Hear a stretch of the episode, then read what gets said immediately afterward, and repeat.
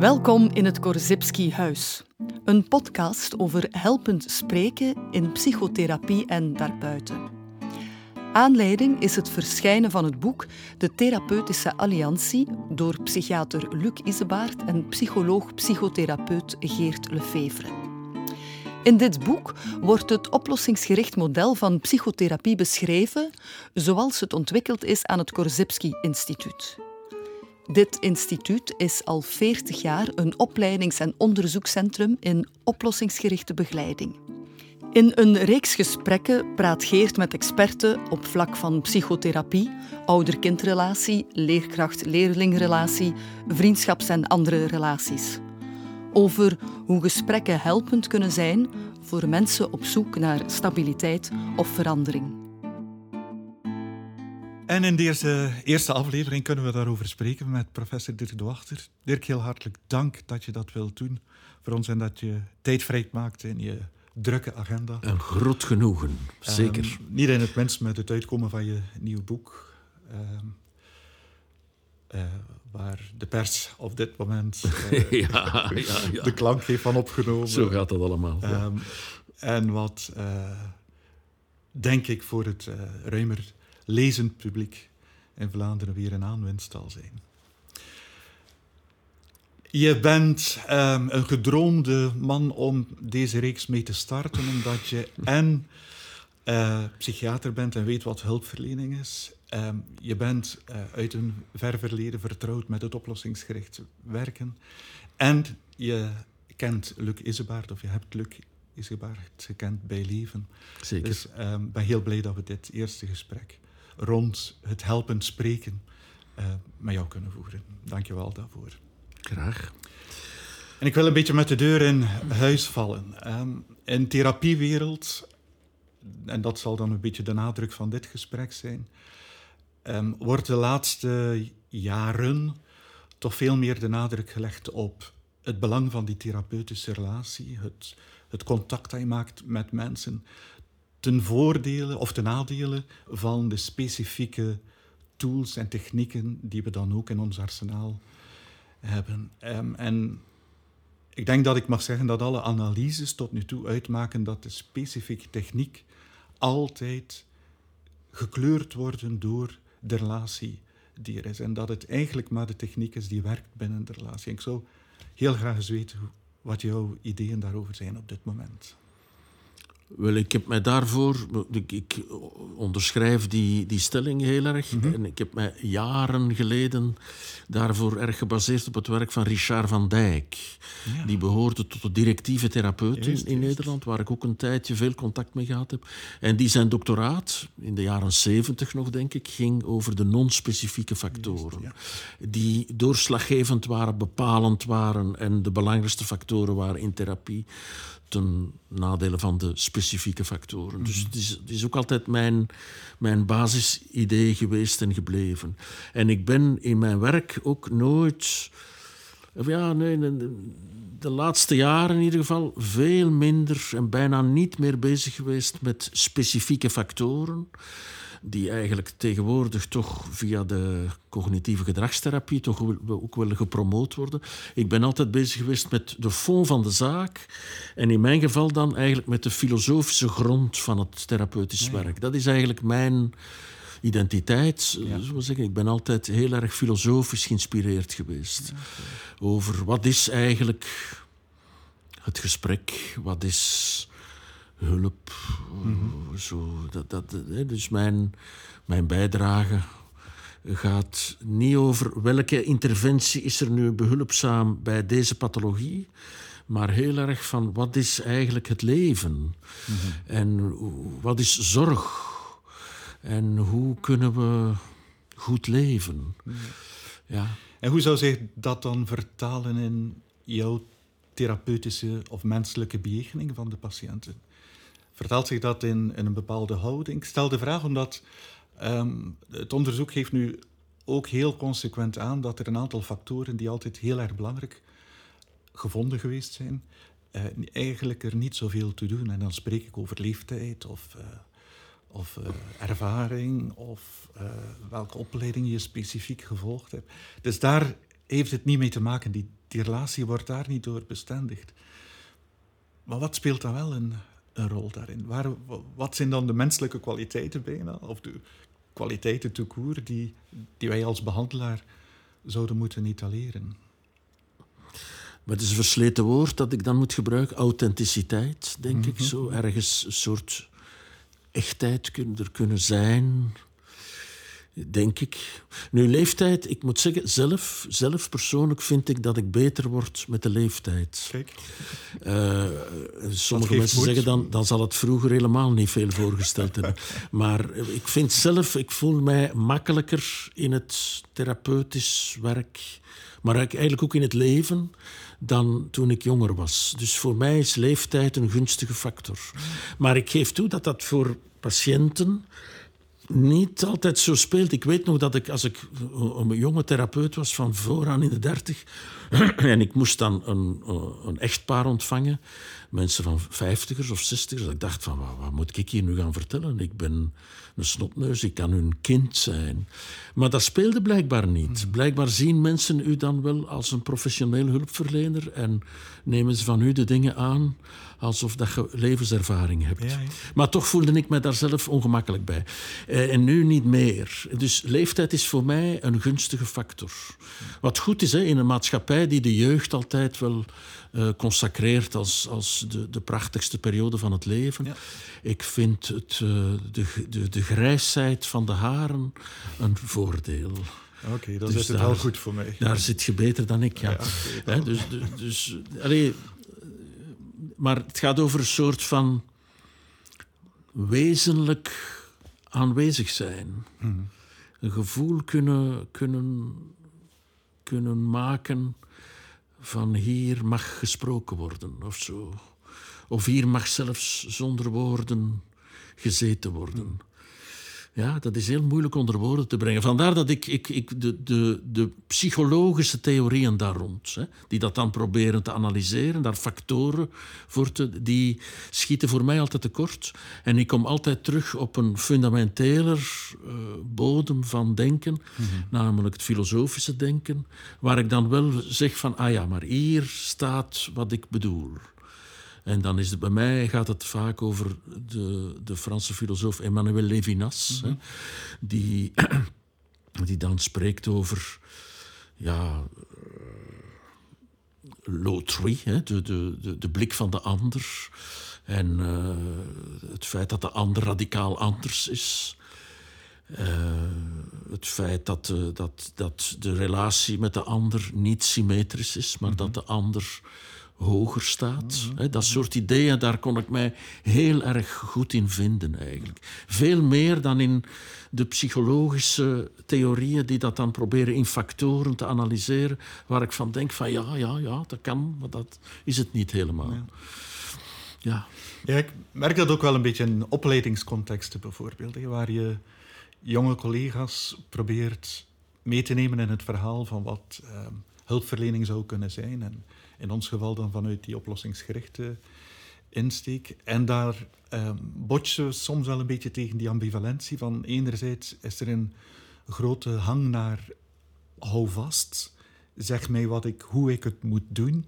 En aan de andere kant willen we ook altijd natuurlijk die mindset meegeven van het is samen zitten met mensen en um, probeer het achterhalen, zoals Lucas Barrett zou, zijn, uh, zou gezegd hebben van wat die ander in godsnaam zou willen en wat hem of haar gelukkig zou maken. En die combinatie daarvan, je bent zelf ook opleider, um, hoe krijg je daar wat evenwicht in? in het, en toch wat meenemen in een verhaal van een bejegeningsmodel naar verandering toe, waar de cliënten dan mee komen. En toch ook wat het meegeven van die filosofische onderbouw ik geef dat mee, hè? dat al om te beginnen. Dat is ook in vele. Dat is ook, hoe moet ik dat nu bescheiden zeggen? In vele opleidingen niet het geval. dat, die, die grond ook meegeven. Hè.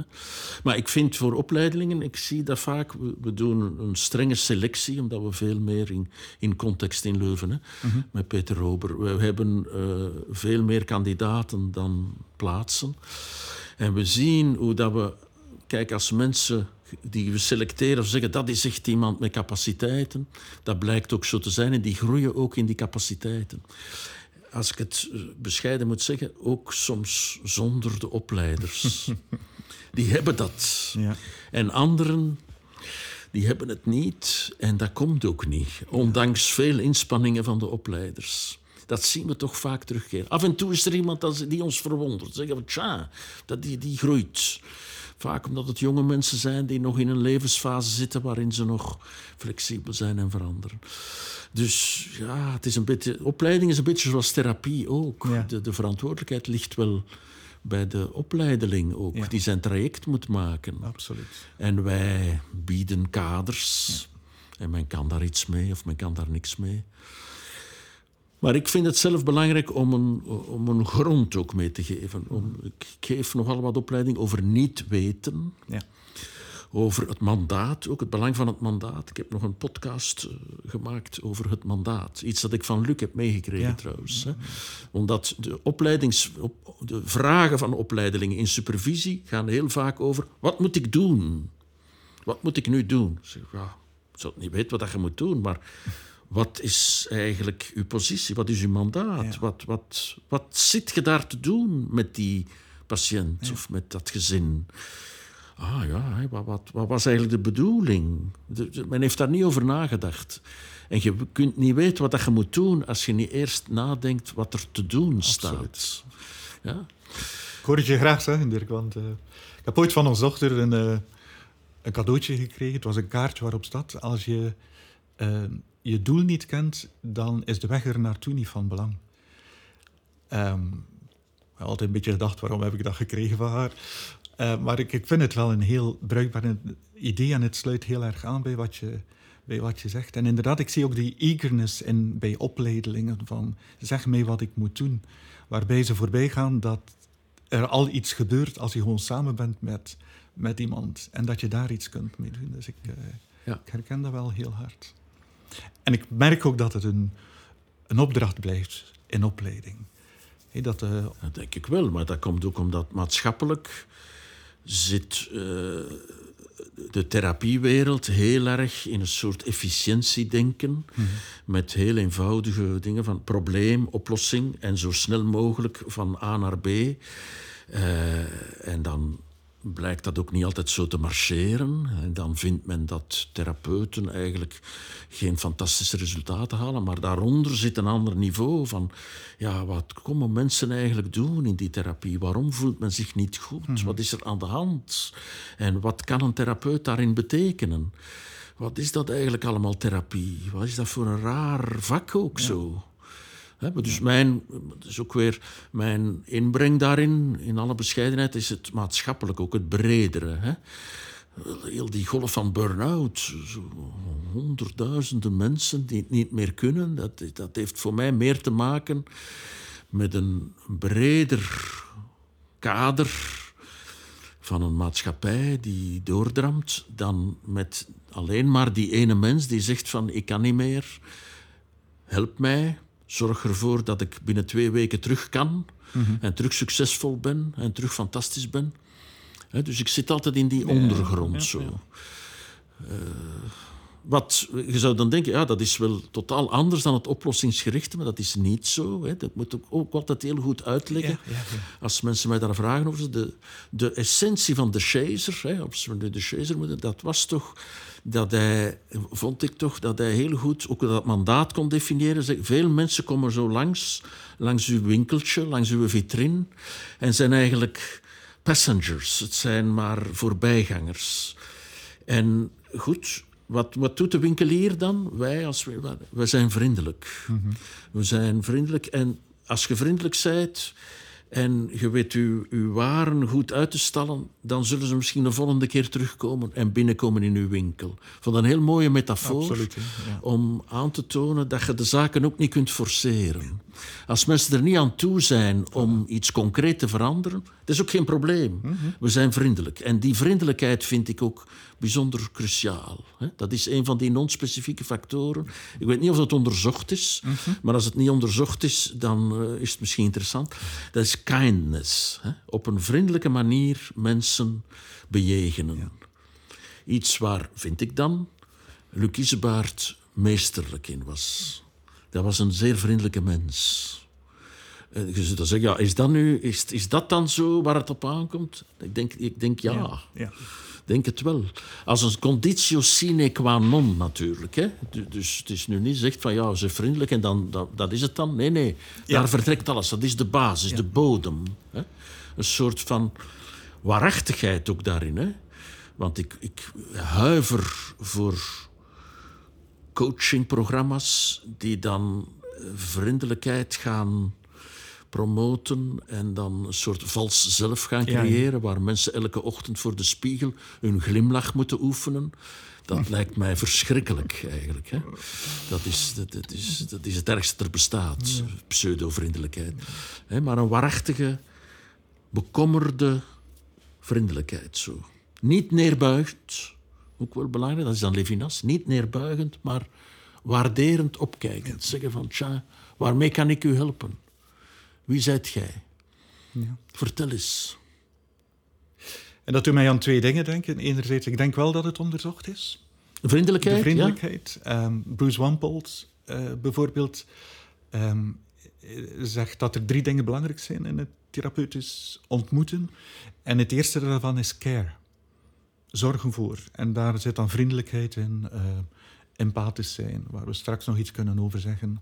Zo'n aantal puur menselijke, intermenselijke Ja. eigenschappen die hij als eerste belangrijke pathway eh, benoemt naar dan, naast dan eh, verwachtingen en specifieke dingen. Want dat is het eerste wat hij...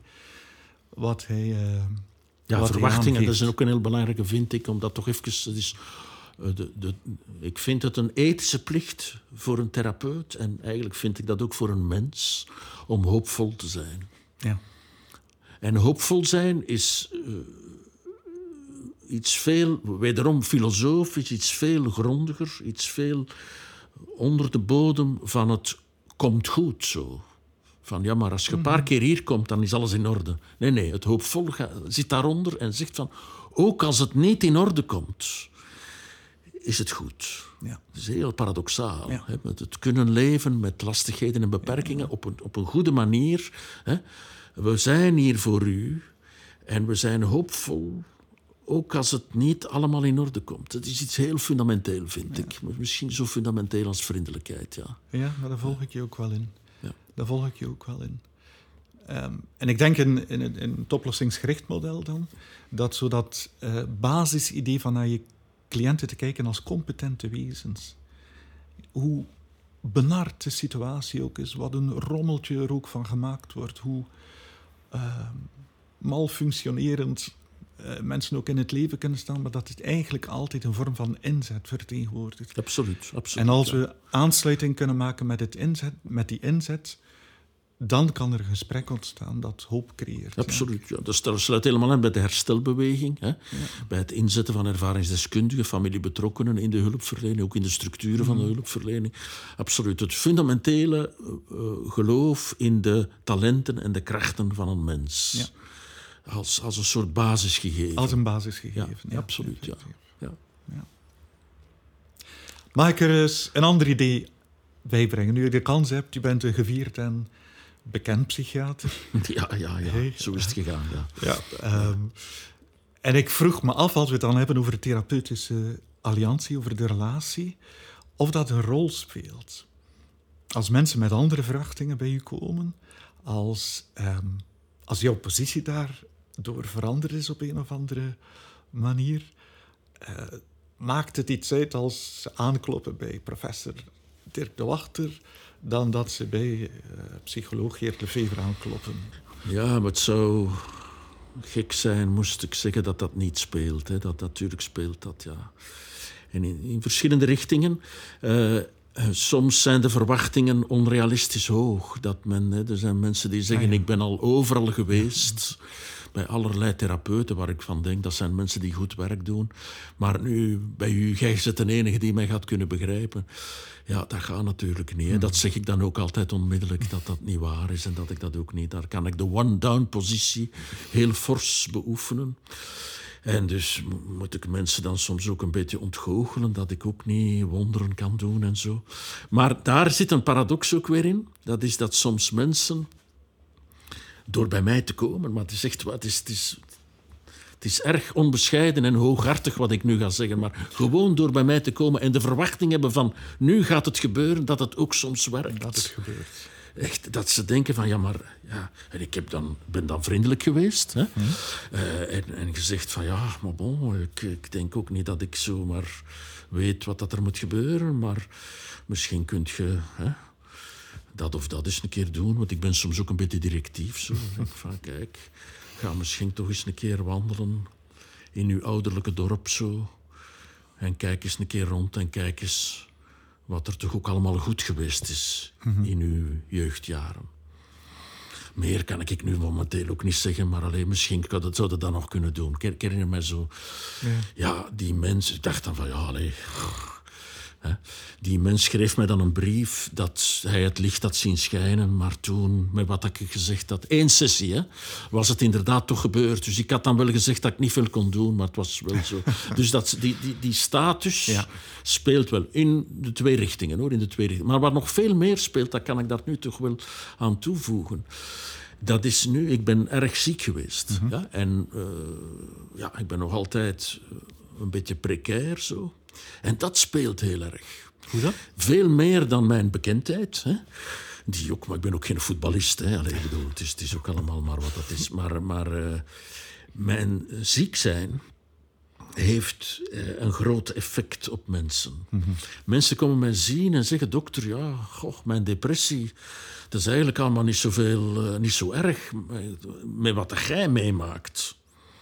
Ik zeg: Vertel maar. Hè. En ik heb de indruk, het is een beetje gek wat ik ga zeggen, dat mensen heel erg hun best doen om beter te worden, om mij plezier te doen. Omdat ze zeggen, ja, die mens is niet goed. We moeten, die, moeten zien dat we extra gebruik maken van de weinige dingen die hij nog kan zeggen om beter te worden. Echt waar, hè? Het is ook een soort non-specifieke factor. Want ja, het, is, het stond ook in de gazet, dus uh, mensen weten een beetje wat er met mij aan de hand was mm -hmm. en is. En ze doen echt waar, ik heb de indruk dat dat speelt, ook niet bij iedereen, maar vaak, dat mensen extra hun best doen om beter te worden. Omdat ze mij, de therapeut, een plezier willen doen. Een factor die al heel mijn leven was. Patiënten willen hun therapeut vaak een plezier doen om beter te worden. Ja, moeten ook opletten dat het plezier doen aan de therapeut is beter worden. En niet slecht blijven om te blijven komen. Speelt ook. Ja. ja. maar hier dus, hè, vermits ik uh, zelf in de patiëntenstoel zit, hè, met, mm -hmm. met uh, mijn gedoe, heb ik de indruk dat, ze, dat dat echt speelt als factor. Meer dan bekendheid. Meer dan bekendheid. Ja, ja, ja dat ze daar, enfin, het is omdat ik dat nu de laatste maanden zo nogal concreet heb ondervonden. Maar ze mag ik wel komen. Mijn probleem is eigenlijk zo erg niet, dokter. Dat is al een goed een, een startpunt, hè. Dus niet zo erg, ja, maar dan gaat er zeker iets kunnen gebeuren. Ja. ja? Dus dat, dat, kunnen we bijna echt heel de Cheseriaans of Isbardiaans aanwenden. Zeggen, het is niet zo erg. Oké, okay, dan, dan gaan we het kunnen doen. Hè? Mm -hmm. ja, dat, dat, moet, dat moet lukken, inderdaad. Hè? Dan gaan we kunnen helpen. En uh, denk eens, wat zouden ze ook kunnen doen? Dus ze gaan ook zelf meer werken om mij te ontzien. He, want die therapeuten... Wat we eigenlijk beogen. Die mensen, ah ja, natuurlijk. Ja. Dus je kunt makkelijker... Nu, nee, het is natuurlijk ook... Laat mij opletten. Het is nu ook geen oproep dat alle therapeuten ziek moeten worden. Dat is nu... Dat zou iets te ver gaan is goed als, dat duidelijk maakt, als stelling. Ja. Maar dus de one-down-positie... Ja. Die dan natuurlijk authentiek en echt is. Hè? Zeggen van, ja, goh eh, ik weet het ook niet zo goed en uh, moet mij excuseren, maar soms ben ik een beetje vermoeid en zo. Mhm. Die, die, die werkt, die, dat wisten we al dat die werkt, maar die is die natuurlijk zeer authentiek Ja. doorleefd. Ja. dat is heel raar. Dat heb ik echt ondervonden, echt waar. En dat lijkt me zo'n factor die, waar er toch nog weinig aandacht aan gegeven is. Zo van, ehm, ja, hoe verhouden de cliënten zich ten opzichte van ons als hulpverlener? Ja, Wat is, hoe zien zij ons? En wat zijn de gevolgen van verschillende gezichtspunten die ze kunnen hebben over wat dat is zo, dat is zo. wat Ja. maar dus mijn positie nu is heel erg dubbel. Hè. Dat is enerzijds de zogenaamde bekende therapeut, hè, waar men naar opkijkt. Enfin, een beetje raar voor mezelf om dat zo te zeggen, maar dat is soms wel zo. En anderzijds de zieke mens, waar men compassie mee heeft, waar men van denkt, oei, we moeten die... Mag ik wel komen, dokter? Mag ik wel komen? Maar natuurlijk, zet u alstublieft. Hè. Eh, Die dubbelheid, het is ingewikkeld hoor. Ja. Eh, Zowel one up als one down. Ja. En het bepaalt heel erg het, de relatie. Ja, Je zit anders bij elkaar ja. eh, in het gegeven, in de ene positie of in de andere positie. Ja. En daar speelt dus, wat, dus blijkbaar niet in het onderzoek, maar in mijn beleving de leeftijd ook weer een rol. Voor mij, misschien niet vanuit het zicht van de patiënten, maar voor mij. Ik voel mij beter door mijn leeftijd. Ja. Eh, ja. Ik, ja, en ik volg je daar ook wel een beetje. Ik merk dat ook bij mezelf. Er is een. ehm, misschien voor mezelf zou ik zeggen dat ik een rustiger in het werk sta. ja, ja, ik ook. Ja. Verdraagzamer. Ik kan, ja, absoluut geduldiger. Meer gelassenheid, om dat zo Ja, Heideggeriaans ja, ja, uit te drukken. Zo kunnen zeggen van oké, de hoopvolheid die, die meer hoe, hoe zo, bezonken is. Zo als een grond. Die niet zozeer moet, ja maar kom aan, en we doen het wel en het zal wel goed komen en zo. Maar, weet, weet ik veel of dat goed komt. Maar een bezonkenheid, een soort van basic trust. Een soort van grond die zegt van kijk, ook als het niet beter gaat, blijven wij hier zoeken. Geen probleem, kom maar af. Ja. Dit is ook mijn doelpubliek. Ik heb, ik, heb dus, ik heb hier nog een private praktijk, wat als professor niet evident is. Ik ben in de enige, denk ik. Maar waar dus een wat elitair, jevisachtig publiek komt van eh, mensen die succesvol in het leven staan. Succesvol. Hè? En in het ziekenhuis waar ik werk, in Kortenberg, ik heb ook veel verantwoordelijkheden, maar een van mijn verantwoordelijkheden is een dagcentrum voor mensen met een heel ernstige, langdurige psychiatrische kwetsbaarheid. Hè? De mensen die op invaliditeit staan en die eh, ja, eh, schizofrenie, als dat woord nog mag gebruikt worden, enzovoort. Wel, dat, eh, het is mooi dat ik die- in de gausscurve van de maatschappelijke posities die twee eh, vleugels mag, mag eh, ontmoeten. En dat is twee uitersten. Hè. Mensen die inderdaad van een uitkering leven en naar het dagcentrum komen en in beschut wonen wonen of bij familie enzovoort met grote, grote beperkingen. En anderzijds mensen met groot succes. En ik vind altijd dat dat ook heel erg gelijkend is. Allemaal mensen die op zoek zijn. Hoe moet ik leven? Hoe moet ik toch leven? En ik zie soms hoe de mensen met grote beperkingen daar beter in slagen dan zij die succesvol zijn. Wat ik ook bewonder. Ik bewonder de mens die al 20 jaar 400 milligram Leponex moet nemen. Dat is een zwaar eh, neurolepticum. En toch met geheven hoofd stijlvol door het leven kan gaan. En de succesvolle zakenman of, of gemediatiseerde figuur die aan zijn zoveelste relatie bezig is en wiens kinderen hem niet meer willen zien. Het is een beetje karikaturaal Ja. tegenover elkaar gezet, maar nee, om maar te zeggen dat het is toch ook een fantastisch eh, een soort privilege om in mijn beroep dat soort ontmoetingen te mogen hebben. Het is het mooiste beroep dat er bestaat. Om zo dicht bij mensen te kunnen komen van heel verschillende achtergronden. ja. Waarom vertel ik dat nu? Nu ben ik de grond kwijt van, van mijn voorbeeld. Eh, we zijn begonnen met het spreken over eh, het aspect van het mandaat. Ja, Ja. Ehm, daarna hebben we het idee geopperd dat mensen op een bepaalde manier naar jou kijken en dat dat de relatie bepaalt. En dan heb je dat aangeduid dat dat, dat gebeurt met alle soorten van zorgen en problemen en mensen op verschillende ladders in, de maatschappelijk, in het maatschappelijk bestel. Mag ik daar nog één iets uitpikken? Omdat Ja. ehm, ook in, in eh, ons boek wordt er een, een stukje geschreven over empathie. Ehm, en ik vind dat zo... Ja, je zit daar dan over na te denken. Eh, natuurlijk, je herschrijft. Ik, hoef niet te spreken over het schrijven met jou, want je weet maar al te goed wat dat inhoudt. En je herschrijft en je denkt van, ja, maar wat bedoel ik hier nu eigenlijk mee? En, en wat zou Luc daarmee bedoeld hebben? En? En als het gaat over empathie, eh, wat bij ons hulpverleners zoiets als een evidentie is, tuurlijk, je moet empathisch zijn naar mensen. Uh, botste ik plots op een eh, boekje van Paul Bloom, een, een Amerikaans eh, psycholoog, die een boekje geschreven heeft, Against Empathy. Waar hij eigenlijk betoogt dat wat wij als eh, dat evidente eh, die empathische houding ervaren, dat er ook gevaren aan zijn. En hij zegt van, we zijn geneigd om vooral empathie te hebben voor mensen die het dichtst bij ons eigen waardesysteem staan. En als dat niet zo is, dan zitten we heel snel terug in een wij-zij-denken. absoluut. En die zegt dat kan gevaarlijk zijn. Ja? En in een klein boekje legt dat eigenlijk heel mooi uit. Ehm, wat denk jij daarover? Ja, ik ben het daar helemaal mee eens. Ik heb daar een hele evolutie in doorgemaakt zelf. Mijn eerste, ik heb heel veel opleidingen gevolgd. Niet alleen systemische opleidingen, maar ook eh, een hele transactionele analytische opleiding, NLP-opleiding eh, enzovoort. Maar mijn eerste opleiding, nog voor ik Luc heb ontmoet, was een Rogeriaanse non-directieve opleiding. Ik heb een hele traject daarin doorlopen, waar empathie het centrale begrip is. Dat, dat is It's all about empathy. Rogers. Hè?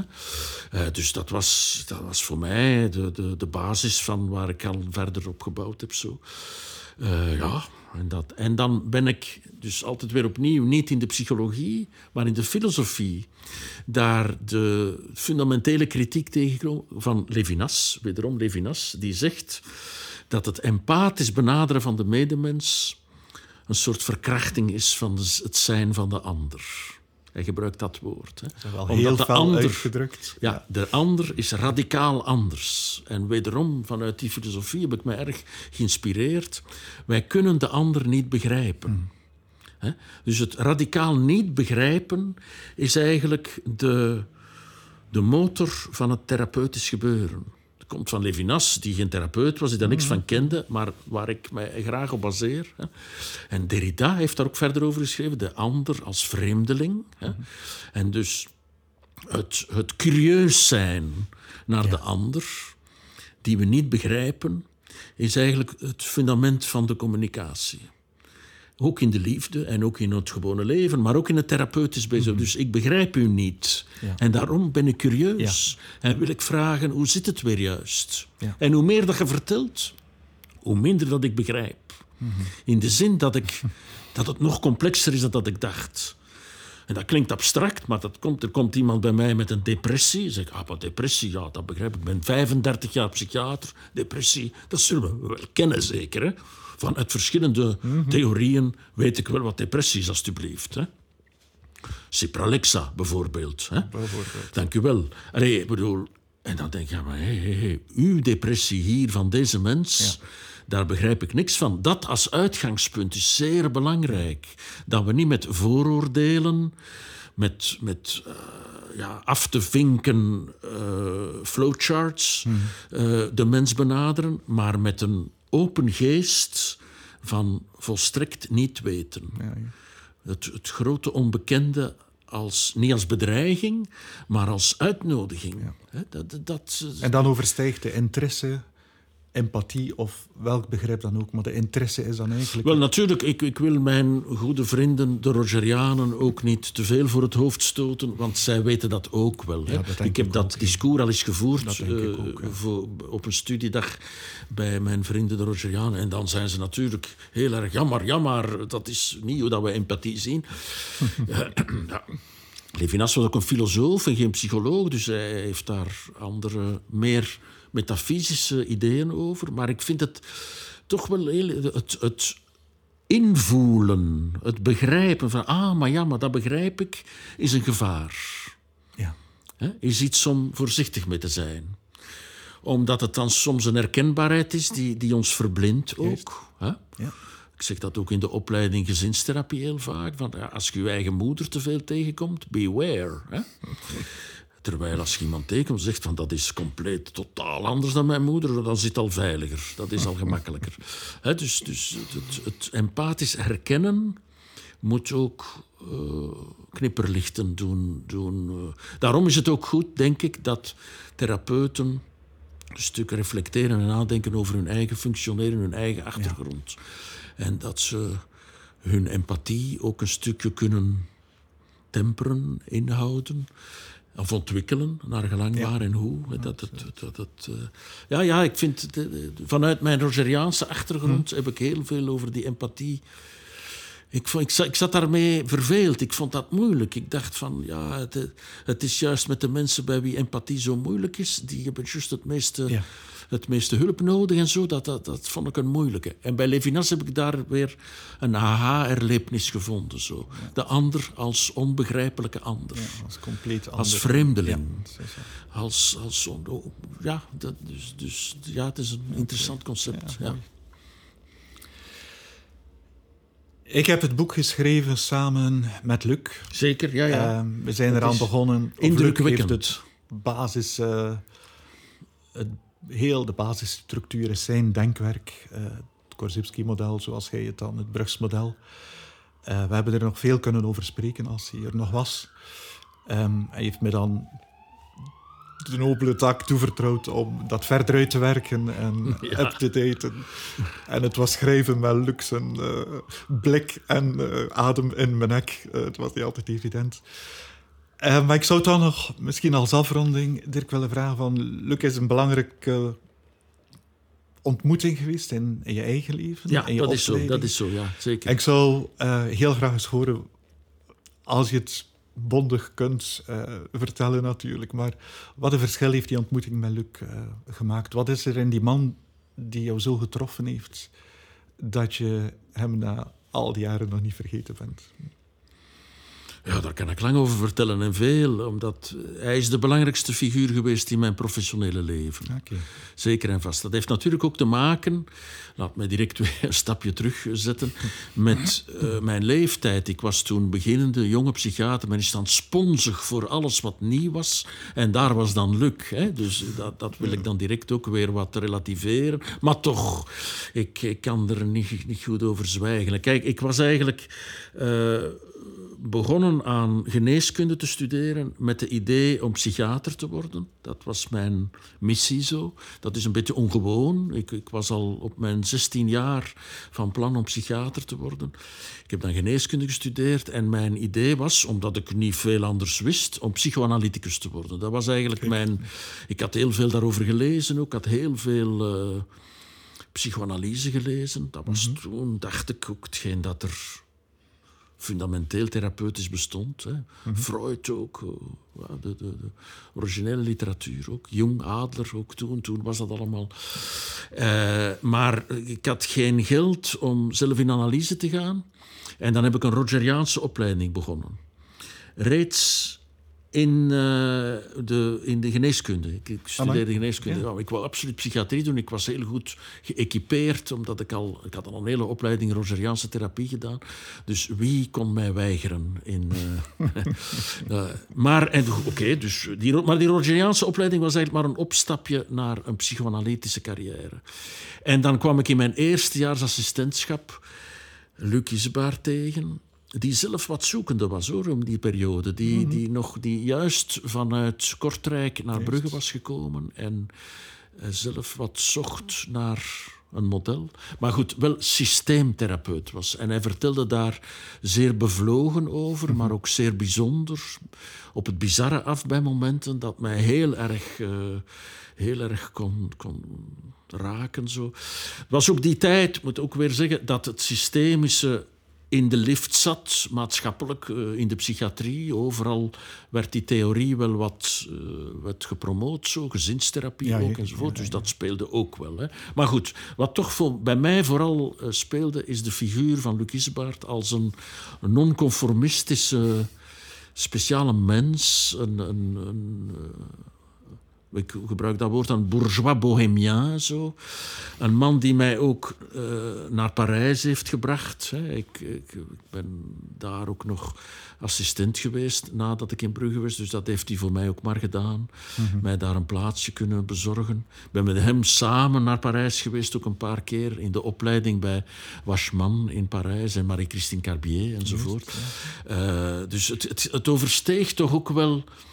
En de, non-specifieke factoren spelen daar. Hè. Dus zijn therapeutische skills, ja, vond ik als jonge assistent natuurlijk ja, bewonderend, uh, bijzonder. Maar eigenlijk ging het veel meer over zijn persoon aan zich. Zijn huis toen in Wervik, waar hij grote feesten organiseerde. Hij kookte ook zeer goed. Hij had een ongelooflijk brede kijk op, op alles, zo, op kunst, op, op, uh, de wereld. Hij sprak verschillende talen. Ik was heel erg bewonderend uh, voor die man. Ja, en dat mm. heeft mij heel erg bepaald. Zo. Dat heeft mij, ik, ben dan ook, ik ben dan de opleiding uh, systeemtherapie gaan beginnen, die hij opgezet heeft, het jaar na mijn assistentschap. Hè. Er waren een aantal assistenten die nog altijd goede vrienden zijn, die eigenlijk het eerste jaar opleiding Korsipski zijn geworden. Ja. Maar daarna heb ik nog naar het list geweest, heb ik nog andere ja, ja. opleidingen gevolgd. Zo. Maar dat is eigenlijk... Uh, Luc is voor mij een soort maître à penser altijd geweest. Mm -hmm. En ik heb verder, moet dat heel eerlijk zeggen, heb ik dat ook... En Luc was ook heel onthecht. Dus ik heb hem ook niet zo... Maar we zijn altijd nog een paar keer per jaar samengekomen... omdat we onze lokgroep in Brugge gemaakt hebben. Dus ik ben hem blijven zien.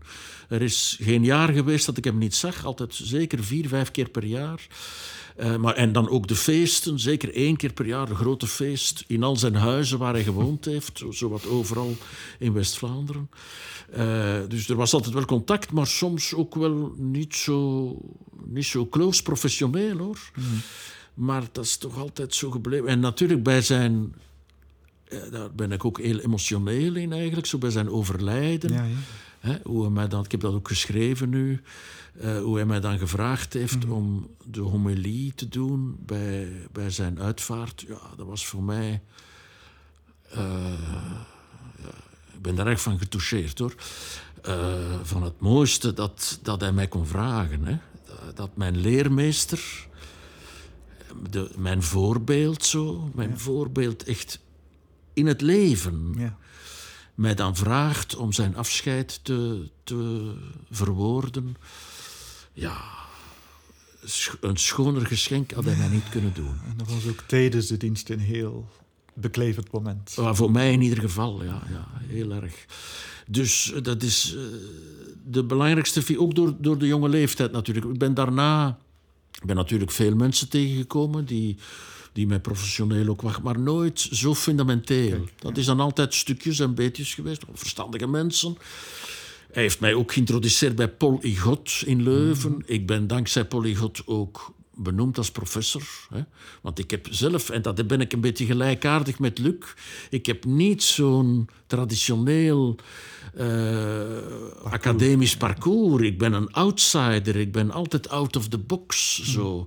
En dat is een heel grote kracht dat, ik ben er ook fier op. Mm -hmm. Maar tegelijkertijd is het natuurlijk ook iets heel broos. Ik, ja, ik, ik ben academisch broos. Hè.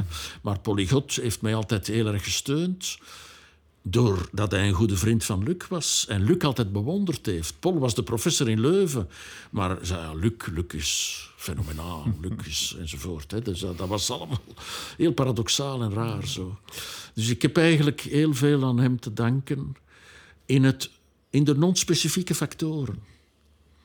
Want ik ben geen puur sang oplossingsgerichte therapeut geworden. Want toen de Chaser kwam, heb ik eigenlijk, dan, dan zat ik in de directieve therapiewereld een beetje in mm. Nederland, door mijn thesis ook en zo. En daarna ben ik heel erg in het narratieve, in het contextuele. Mm -hmm. Mijn manier van opleiden is ook... Uh, maar toch, maar toch is het, het Wederom, de non-specifieke factoren van, van de oplossingsgerichte therapie, van het Cheseriaanse denken, zijn toch ook weer een, een fond, hoor, een bron. Zo, ja. Maar verder is mijn, mijn identiteit is heel filosofisch. Hè. Ja. Die eigenlijk ook, heeft dat nooit heel erg geëxpliciteerd, de identiteit van Luc was. Absoluut. Maar hij heeft dat nooit geëxpliciteerd. Hij is dat altijd zo, zoals altijd in alles, heel in gebleven. Zo. Dat was daar altijd. Hij kende de Grieken veel beter dan ik. Omdat hij ook nog uit die tijd komt. Hè. De fenomenologen kende hij heel goed. Hij is bij Binswanger geweest. Hè. Dus, dus ik heb daar met hem ook veel over gesproken, toch lang geleden. Hè. Dus dat, dat, dat sluit allemaal aan. Op een of andere manier sluit dat allemaal aan. Hij is in analyse geweest bij Jacques Schotten. Hè. Als dat mag gezegd worden. Allee, eh, Jacques Schotten en Lacan, hoe raar ook. Eh, ik ben dan daarna, dat is ook iemand die mij erg gevo- gevormd heeft, eigenlijk Sam IJsseling, de filosoof in Leuven, hè, die, eh, die mij dan filosofisch heel, heeft, heel veel heeft meegegeven. Maar dat is toch ook allemaal heel erg, dat sloot heel erg aan op een heel onrechtstreekse manier bij het gedachtegoed van Luc Isbaert. Zo gaat het leven. Zo gaat het leven. Dirk, ik ben heel blij dat we dit gesprek gehad hebben. Het was mij een genoegen. Het roert mij ook een beetje om zo eh, over dingen te kunnen spreken waar we allebei op een of andere manier wat in contact mee gekomen zijn. En, eh, het, het roept van alles, van herinneringen en beelden bij mij ook op. Ik ben er eigenlijk wel heel blij mee dat we dat hebben kunnen doen. Heel hartelijk dank. Graag gedaan. En eh, zeker tot de volgende keer.